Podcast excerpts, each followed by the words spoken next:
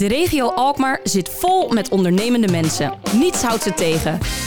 Met die ondernemende mensen gaan wij in gesprek. Waar halen ze hun inspiratie en energie vandaan? En waar zien zij kansen? Je hoort het in de serie Koffie voor Twee. Vandaag drinkt Gerwelbers koffie met... Edwin Teljuur, 49 jaar en sinds 2012 directeur-bestuurder van MEO in Alkmaar.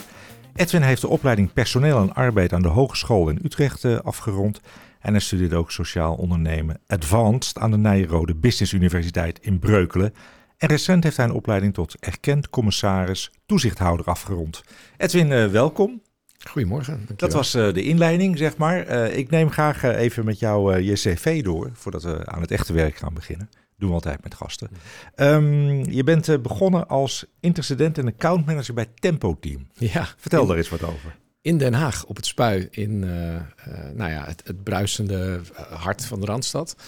Ehm, ergens is daar wel het HR-vuurtje aangestoken. Op het moment dat je... Nou, we gebruikten toen nog geen computers. Ik ben al heel oud, eh, 49. Nou, dat valt erg mee hoor. Ja. Ehm, en het leukste wat ik eigenlijk wat ik vond aan dat werk was dat je mensen blij kon maken. Het was, een, het was een conjunctuur waarin er een laag conjunctuur was, waar er relatief weinig banen. Ehm, en dan was het heel erg mooi om de match te maken. En eh, ik vond het een leuke, superleuke baan. Mhm. Mensen blij maken, dat is eigenlijk wel een, dat gaan we straks ook horen Dat is wel een rode draad, ja. rode draad, hè? Ja. ja. Ja. En wat, eh, wat was het na Tempo Team? Nou, iets wat niet op mijn eh, LinkedIn staat, was dat ik toen voor, eh, eh, ik weet het nog goed, voor duizend gulden meer in de maand mijn geluk ging beproeven bij een cartografische uitgever. Die maakte allerlei cartografische producten. Ehm, en die ging na anderhalf jaar failliet. En toen ben ik bij de drukker gaan werken. En dat was eh Plantijn Caspari. Oké, ja. Dus daar heb je ook verstand van, van drukkerijprocessen. Ja. Maar was er een, be- een beetje een noodsprong dat je iets moest? Of, eh, Nee, het was niet echt een noodsprong. Het was omdat het me eigenlijk wel interesseerde. Eh, en, en waar ik op zich helemaal geen kaas van gegeten had, eh, waren de fabrieken. Het ging mij veel meer om de media die eigenlijk achter eh, gedrukte, gedrukte informatie zat. En later bleek ook veel meer dat je de combinatie van allerlei soorten media op kon zoeken. En daar bood het Roto Smeets concern toen ongelooflijk veel mogelijkheden. Ja. En toen kwam het moment steeds dichterbij. Dan zitten we in 2012. Toen heb je MEO opgericht, hè? Ja, daarvoor eh, is er ook nog Apprentice uitgevers opgericht. Oké, wat was dat precies Dat voor was- een uitgeverij? Ehm, een educatieve uitgeverij. Eh, ik heb ooit, nou, dat moet je kennen, ik heb ooit samen met CEP de cultuurkaart eh, geïntroduceerd in Nederland. Oké. Op alle middelbare scholen. En ehm, ik had een uitgeefproduct bedacht toen ik werkte bij Plantijn Caspari.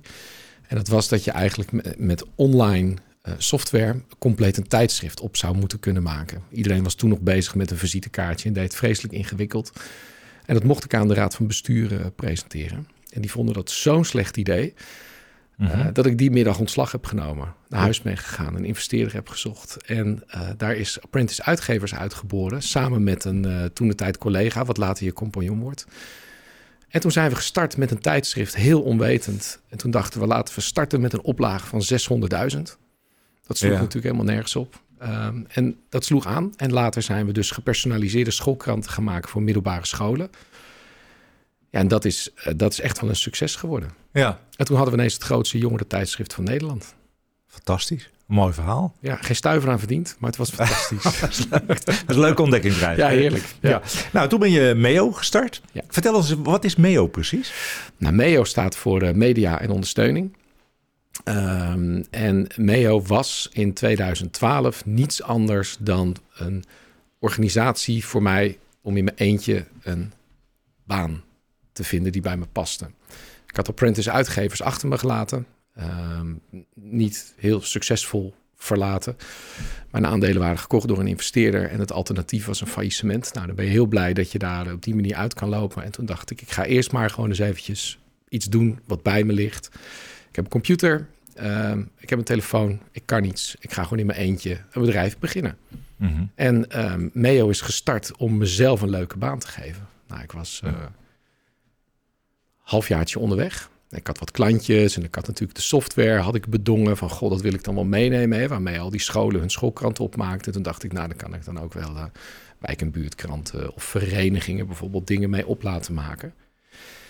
En dat leek uiteindelijk al wel wat vlucht te nemen. En na een halfjaartje uh, werd ik ziek. Toen dacht ik ineens, oh shit, weet je, nu moet ik, nu moet ik een half jaar aan de chemo kuren.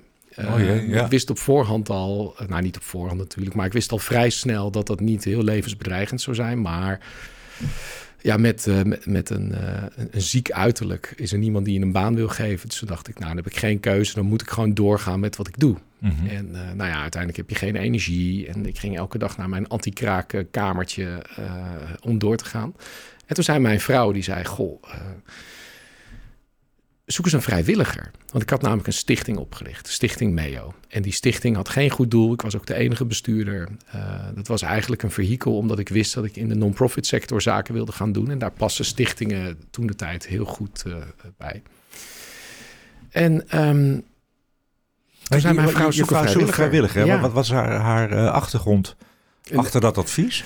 Uh, mijn vrouw heeft bij Medewering gewerkt en heeft uh, uh, ook heel veel vrijwilligerswerk gedaan. Maar heeft eigenlijk altijd in die hoek gezeten. En ik niet. Ik kende dat niet. Mm -hmm. Nou, met welk doel zei ze van, van, van dat ik geen, vrijwilliger? Ik als klankwoord of als... Nee, als... ik had geen energie meer. Ik sleepte ja. mezelf naar kantoor toe en dan zat ik eigenlijk een beetje voor me uit te staren.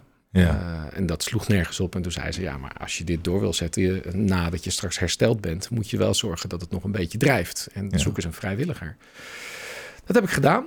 En daar kwam wonder boven wonder iemand op af. Ik had een advertentie gezet. En uh, daar kwam uh, een, uh, een, man op af uit Haarlem. En die zei van tevoren al: luister, um, ik wil wel met je praten, maar je moet een paar dingen van me weten. Eén, ben je rolstoel? Ik ben rolstoel gebonden, dus ben je toegankelijk? Ik zei ja, we zitten anti-kraak, gaat helemaal goed hier. En twee, zei hij: ik word niet gedreven door geld. Dus ik heb een andere drijfveer. Uh, ik wil jongeren met autisme helpen aan werk- en werkervaring. En op het moment dat je daarover na wil denken, dan wil ik nu met je komen praten. John was een psycholoog. Uh, en wij zijn... De vrijwilliger was John, ja. hij heet John. Ja. ja. John ja. was een psycholoog. En we zijn in gesprek gegaan, meerdere gesprekken gevoerd natuurlijk. En uh, uiteindelijk de afspraak gemaakt dat hij zich een jaar zou gaan verbinden aan, aan MEO. Op voorwaarde dat ik al het werk wat ik bij ZZP'ers uitbesteden zou gaan inbesteden. Nou en omdat we dus veel ruimte hadden, uh, nou ja, er kwamen gratis bureaus van een oude woningbouwvereniging. En uh, John die had computers geritseld, want ik was echt wel door mijn geld heen gezakt. Dus we moesten alles ritselen en uh, regelen. En, en er kwamen mensen over de vloer van het UWV, van Heliomare. En er kwamen ineens jobcoaches. En ik dacht, wat, wat gebeurt hier? ja. ja. En zo, um, ja, zo is eigenlijk de start van MEO ontstaan. En, en als je daarop terugkijkt, hè, mm-hmm. um, ja, het, het, is niet, om het zo maar te zeggen, een gebruikelijke gang van zaken. Om, uh, zit het dan ook dieper in je dat je eigenlijk altijd wel die wens hebt gehad om te kijken naar mensen die het harder nodig hebben, om zeg maar even dat pluspuntje te krijgen, om aan het werk te komen, et cetera, om daar iets voor te doen? Nou ja, ik zou heel graag ja zeggen. En ik denk ook dat het vuurtje heus wel ergens heeft gesmuld. Ja. Uh, maar ik heb niet mijn leven als moeder Teresa gesleten, nee. als ik heel eerlijk ben. Nee. Alleen je hebt ergens momenten nodig. En dat was echt niet het ziek zijn. Want daarvoor wilde ik al graag altijd goed met mensen omgaan. Als wij... Uh, uh, als we iemand hadden werken die uh, om wat voor reden dan ook uh, heel jong moeder werd, dat weet ik nog in mijn vorige bedrijf, dan regelde ik een moederfiets. En ik zorgde ervoor dat, dat er wel hè, waarde ontstond in het leven. Ondanks dat iemand in de schuldhulpverlening zat. Dat heeft me altijd geraakt. En dat was ook mhm. in mijn uitzendtijd. Dus ja, ik denk dat er wel degelijk een, een laagje is geweest. Maar, um, Noemen we dat ook wel sociaal ondernemerschap? Dat begint eigenlijk pas later. Dat is een term die toen nog niet bestond. Ja. Want toen Meo uh, eenmaal ging draaien... toen heb ik eigenlijk ontdekt, John had zich een jaar eraan verbonden, van wacht eventjes, dan ontstaat hier iets heel raars. Aan de ene kant doen we iets goeds, en aan de andere kant vinden klanten dat fantastisch. En um, nou, na een jaartje zag ik ook wel van, ah, maar er lijkt ook nog wel een soort van economisch perspectief in te zitten wat hier gebeurt. Nou, zo sleepte, nou, sleepte niet, maar zo, zo gingen twee, drie jaar gingen, uh, voorbij. En um, toen werden we gebeld door Social Enterprise NL. Ik had geen idee wat het was. Ik dacht dat het een businessclub was. Mhm. Maar dat bleek de branchevereniging te zijn voor sociaal ondernemerschap in Nederland. En toen werd mij dus verteld van... hey, let op, wat jullie doen dat heet sociaal ondernemen. Dus ja, eigenlijk is dat een, uh, een, een, een term die bedacht is om iets te vatten. Uh, wat bijvoorbeeld ook heel veel familiebedrijven al in hun kern hebben. en heel veel andere ondernemingen ook. Alleen ja, op het moment dat je dan toch een marketing georiënteerde organisatie bent, dan verhef je dat natuurlijk ook tot onderdeel van je, ja, van je merk.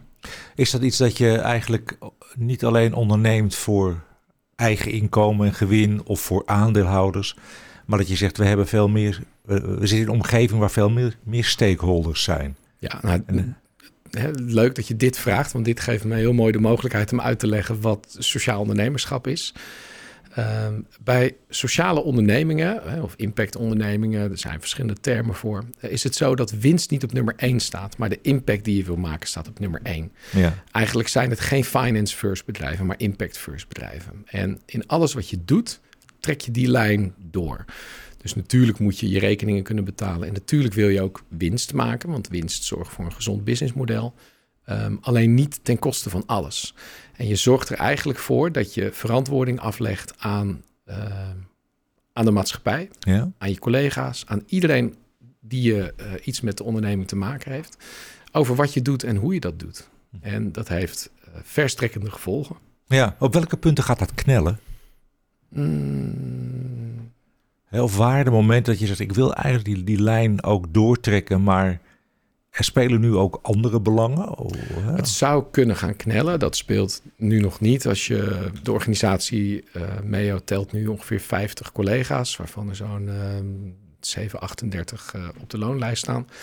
De rest zijn stagiaires en mensen die in aanloop naar een baan bij ons werken. Maar je kunt je voorstellen dat de verdere groei van MEO ook wel zou kunnen bestaan uit het overnemen van andere, wat kleinere organisaties. En die in dezelfde sociale formule krijgen. En daar heb je geld, heb je geld voor nodig. En op dat moment heb je dus investeerders nodig die dan ook die sociale doelstelling en niet die finance doelstelling willen accepteren. Ja, en vind je dan bij banken gehoor? Of zeg je dat is dat het. Als sommige grootbanken beginnen al uh, wel die kant op te gaan. Bekend is natuurlijk Triodos, maar ook een ABN Amro en, en een, Rabobank van oudsher hebben natuurlijk al wel die hoeken. Uh, maar je kunt veel meer kijken naar de familiefondsen. Je hebt een aantal hele grote families in Nederland en die hebben, uh, die hebben caritatieve uh, doelen. Uh, en die zijn vaak wel bereid om ondernemingen op die manier te helpen. en je hebt bijvoorbeeld ook Doen-participaties. Dat is de participatiemaatschappij van Stichting Doen en de Postcode Loterij. Ja. Dus er zijn wel mogelijkheden, maar je kunt het niet zomaar uit het, uit het investeerdersnetwerk halen. Ja. Jullie zijn met een man of 50. Man moet ik niet meer zeggen. Jullie hebben ongeveer 50. Een mens of 50. Een mens of 50. Ja, ja.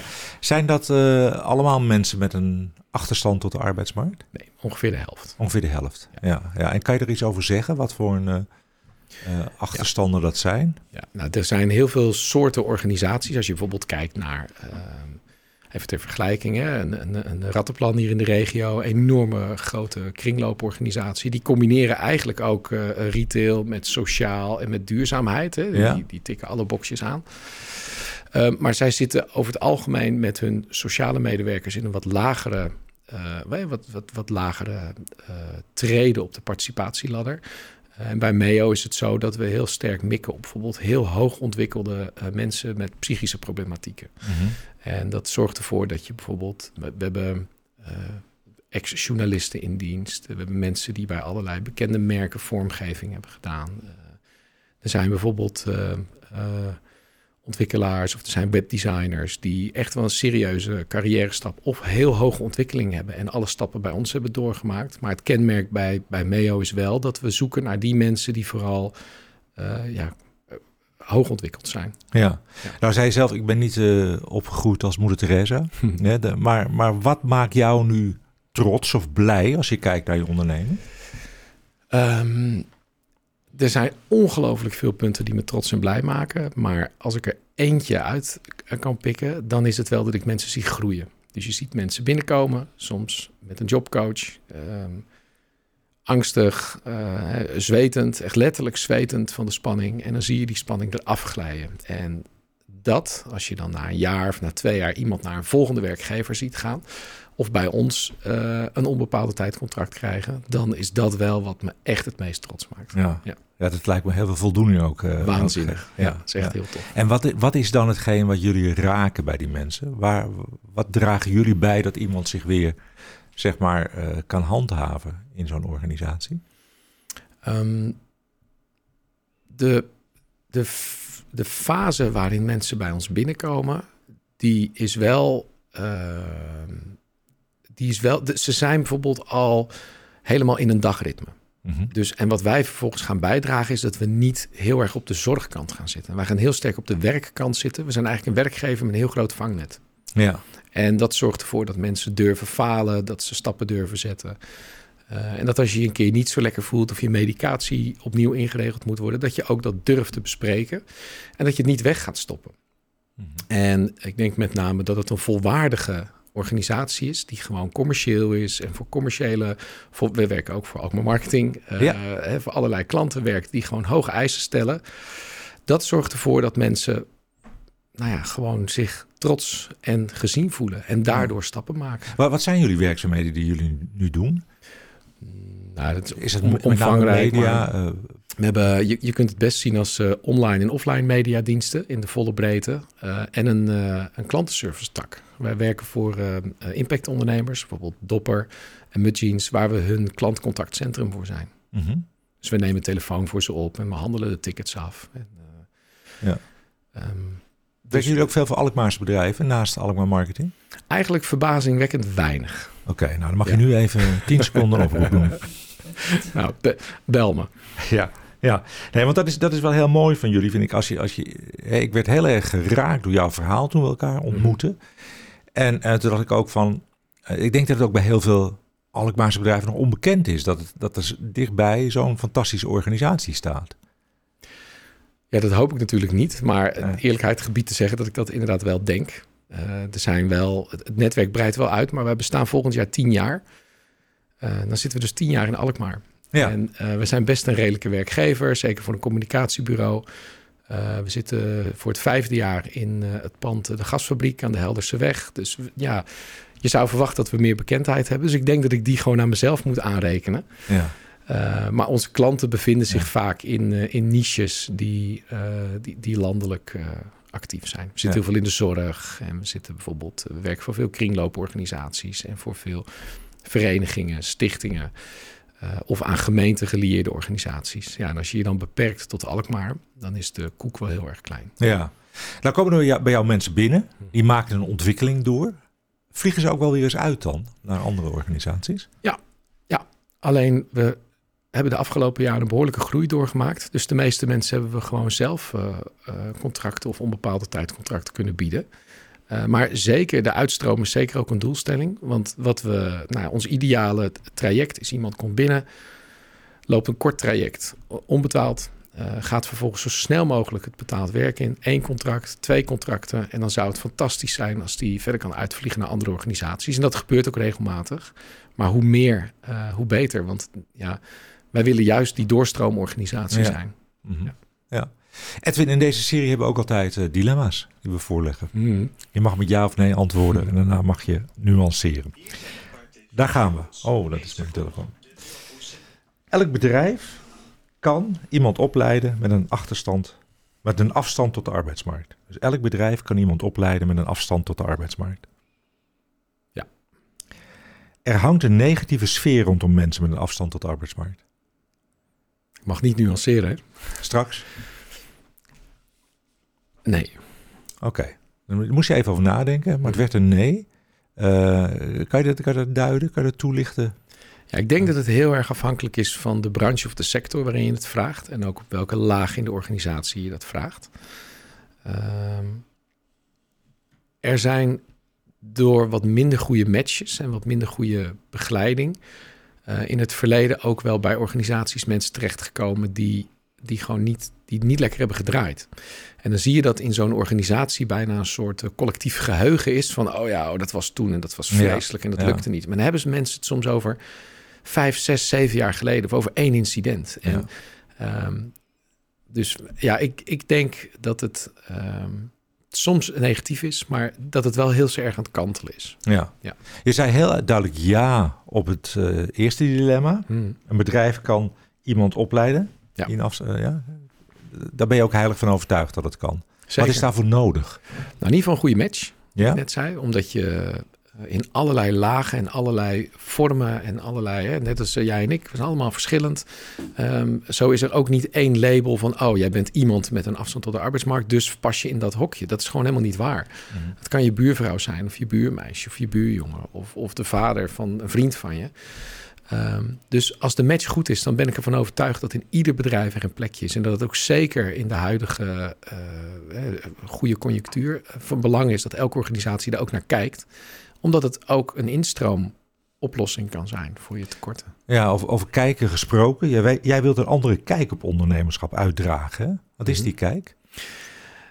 Nou ja, kijk, inderdaad. Ik denk zelf dat organisaties ehm, allemaal zouden kunnen kijken naar inclusiviteit.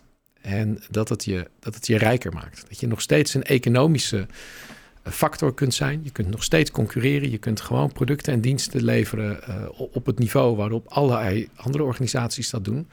Alleen denk ik zelf dat je veel meer zou kunnen kijken naar inclusiviteit. En dan mhm. niet, nou even heel eh, stigmatiseren, niet alleen de medewerker emballage in de supermarkt, maar ook de secretaresse van de directeur. Ja. En ik denk als je op die manier kijkt naar ondernemerschap, dat je echt inclusief gaat denken en dat je er niet, niet een soort excuusafdeling van maakt. Ja. Hoe wil je dat uitdragen? Want het is een heel mooi verhaal, hè? Ja. Nou, ik doe dat door heel erg actief te zijn in, zoals dat zo mooi heet, het ecosysteem van MEO. Er gaat behoorlijk wat tijd, en nou ja, tijd is ook wel geld bij ons, zitten in allerlei projecten ben bestuurslid bij de Code Sociale Ondernemingen. Dat is een branchecode die probeert te vatten van wat is nou sociaal ondernemen en hoe meten we dat. En uh, nou, daar gaat heel veel tijd in. Uh, we hebben bijvoorbeeld in Haarlem de participatieprijs gewonnen twee jaar terug. voor werkgevers die eigenlijk een participatiedoelstelling hebben. Nou, in volume waren we absoluut niet de grootste. maar het heeft er wel aan bijgedragen dat we twee jaar lang ambassadeur zijn om te zorgen dat andere werkgevers ook zien dat het, dat het een kans is en dat het niet iets is wat vanuit aanbestedingen wordt opgelegd en wat naar is. Dus ja. Ehm, ik denk dat dat de manier van uitdragen is. Laat show don't tell. Gewoon laten zien dat je ja. ook dezelfde klanten bedient als andere organisaties, maar dat wij dat uh, met, een mooie, met een mooie missie doen. We hebben ook altijd de estafettevraag in ja. deze serie. Ja. En dat is een hele mooie vraag van Rick Achter. Die hebben we hier eh, eerder te gast gehad. En die wil jou vragen: wat is je grootste uitdaging geweest als ondernemer en hoe heb je dat opgelost? De grootste uitdaging is geweest om de groei vanaf een collega of tien door te zetten naar de huidige omvang. Zonder dat je eigenlijk de cashflow hebt om dat te doen. En dat hebben we opgelost door onszelf kwetsbaar op te stellen en uh, om ons heen te gaan vragen. En dat heeft aan bijgedragen dat we uh, merkten dat er toch meer, dat leidt, hè, dat, heeft een beetje relatie met je eerdere vraag. Uh, er is wel degelijk geld en know-how in de markt. En organisaties en mensen willen dat echt aan je beschikbaar stellen. Maar je moet wel de hulpvraag stellen. En ik denk dat omdat wij ook sociaal zijn in bijvoorbeeld onze statuten hebben vastgelegd. En er zit een, een uitkeringsbeperking op en allerlei andere uh, beperkingen die ons onderscheiden van een andere organisatie, hebben we die oplossing kunnen vinden, omdat partners ons echt geholpen hebben. Ja, dat is mooi. Dus dat, dat, dat, zou iedereen willen aanbevelen van, van zoek die hulp of stel die vraag in je omgeving. Ja. Ja, Welke vraag zou jij willen stellen aan een van de volgende gasten in deze serie? Um, kun je sociaal ondernemen in jouw organisatie concreet maken? Dat is een hele mooie. Die nemen we mee. Wat zou je graag zelf nog willen bereiken met uh, MEO? Ik denk dat MEO de organisatie zou moeten zijn die, uh, die nog meer in beeld komt. Dit is een heel mooi begin. maar ook zeker als een olievlek verder het land doorgaat. En mijn allermooiste, nou, het allerbeste doel zou zijn dat andere organisaties ons gaan kopiëren. Dat ze denken, verrek, die heeft het goed in het snotje. Ja. Dat ga ik ook doen. Want dan lossen we namelijk misschien niet zozeer hè, onze groei op. Want dat is niet een doelstelling op zich. Maar we lossen zeker op dat er meer mensen vanuit doelgroepen uh, gewoon participeren. Dat we een inclusieve maatschappij zijn. Edwin, dank je voor het vertellen van het mooie verhaal van jezelf en van Meo. Ja. En ik wens je heel veel succes in de toekomst. Dankjewel, was leuk. Je luisterde naar Koffie voor Twee. Dank voor je aandacht en graag tot de volgende keer. Koffie voor Twee is een samenwerking tussen Halstad Centraal en Alkmaar Marketing.